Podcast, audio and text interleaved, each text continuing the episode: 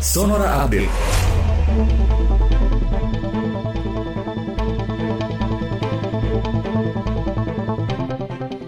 Selamat siang sahabat Sonora, Pemprov DKI Jakarta akan mencari penyebab kenaikan kasus positif di klaster perkantoran.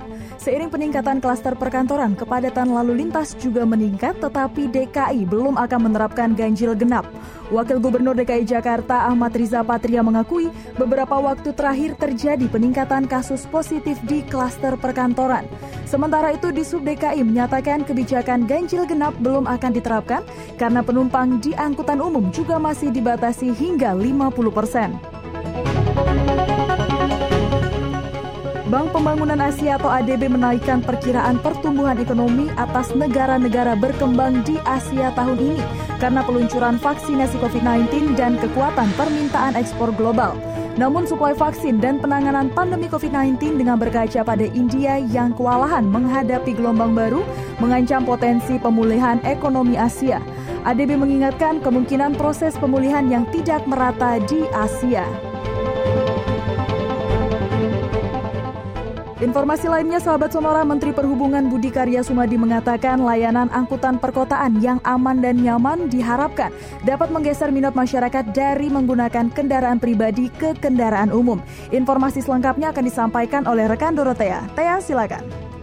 Ya, sahabat Sonora diketahui pemerintah melalui Kementerian Perhubungan akan melanjutkan program angkutan perkotaan melalui skema pembelian layanan atau by the service di Kota Bogor setelah sebelumnya pada tahun 2020 yang lalu program ini juga telah dilakukan di lima kota yaitu di Medan, Palembang, Yogyakarta, Surakarta, dan juga Denpasar. Secara virtual, Menteri Perhubungan Budi Karya Sumadi mengatakan hingga saat ini masih banyak daerah yang angkutan umum ataupun angkutan massal berbasis jalannya belum sesuai dengan standar minimal seperti keamanan, kenyamanan, keterjangkauan, dan juga standar dari aspek kesehatan. Sehingga dengan adanya by the service ini diharapkan dapat menghadirkan bis yang aman dan nyaman untuk digunakan masyarakat.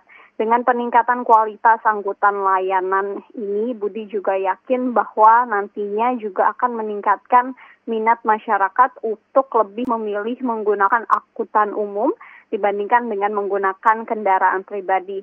Hal tersebut juga akan berdampak pada tingkat kemacetan yang diperkirakan juga akan berkurang serta dapat mengurangi persoalan polusi udara akibat dari emisi gas buang dari kendaraan bermotor. Menurut layat, menurut Budi, layanan angkutan ini juga murah sehingga dapat meringankan pengeluaran masyarakat khususnya untuk transportasi.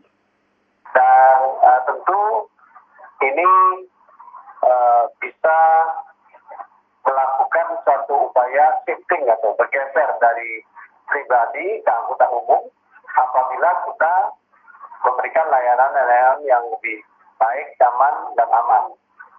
Kita melihat kota Bogor akan menjadi uh, percontohan berikutnya lebih lanjut, Budi juga menyebutkan dari penerapan BTS di lima kota pertama sebelumnya, pihaknya sudah mengakomodir sekitar 1,5 juta perjalanan di 2 Desember 2020 walaupun dengan pembatasan kapasitas penumpang 50 persen akibat dari pandemi COVID-19.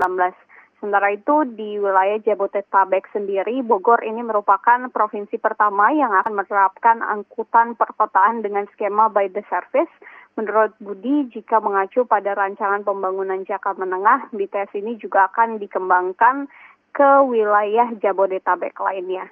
Demikian Dorota yang melaporkan kembali ke studio. Demikian Update.